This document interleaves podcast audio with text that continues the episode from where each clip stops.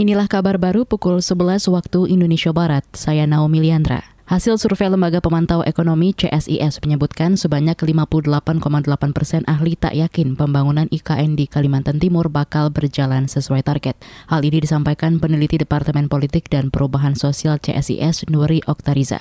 Nuri mengatakan lembaganya telah melakukan survei pada 28 Maret hingga 12 April dan melibatkan 170 responden yang berasal dari beragam ahli punya paspor negara lain tidak otomatis kehilangan WNI. Dua kasus tadi menunjukkan dalam waktu bersamaan Orin Riwukore dan Joko Chandra punya paspor Papua Nugini, ternyata dia tetap WNI. Mengapa? Karena belum ada tindakan administrasi pemerintahan. Jadi di dalam Undang-Undang Administrasi Pemerintahan diatur dua hal, Vettel Handelingen dan Rechtelhandelingen. Jadi dalam sistem pemerintahan kita tidak ada yang dikatakan batal demi hukum secara otomatis. Nggak ada.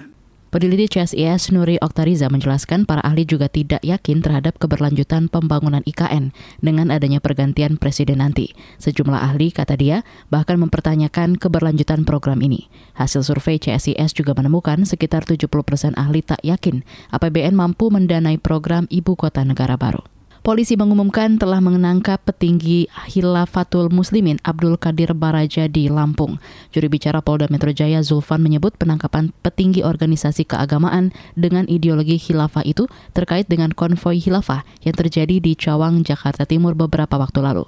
Zulfan mengatakan penangkapan Abdul ini merupakan hasil penyelidikan oleh tim khusus yang dibentuk atas perintah Kapolda Metro Jaya Fadil Imran. Sebelumnya polisi juga menangkap tiga pimpinan cabang Hilafatul Muslimin atas dugaan penyebaran berita bohong dan percobaan makar lewat aksi konvoi di Brebes, Jawa Tengah. Konvoi dilakukan pemotor dengan membawa poster bertuliskan kebangkitan khilafah dan bendera dengan aksara Arab. Kita beralih ke berita olahraga.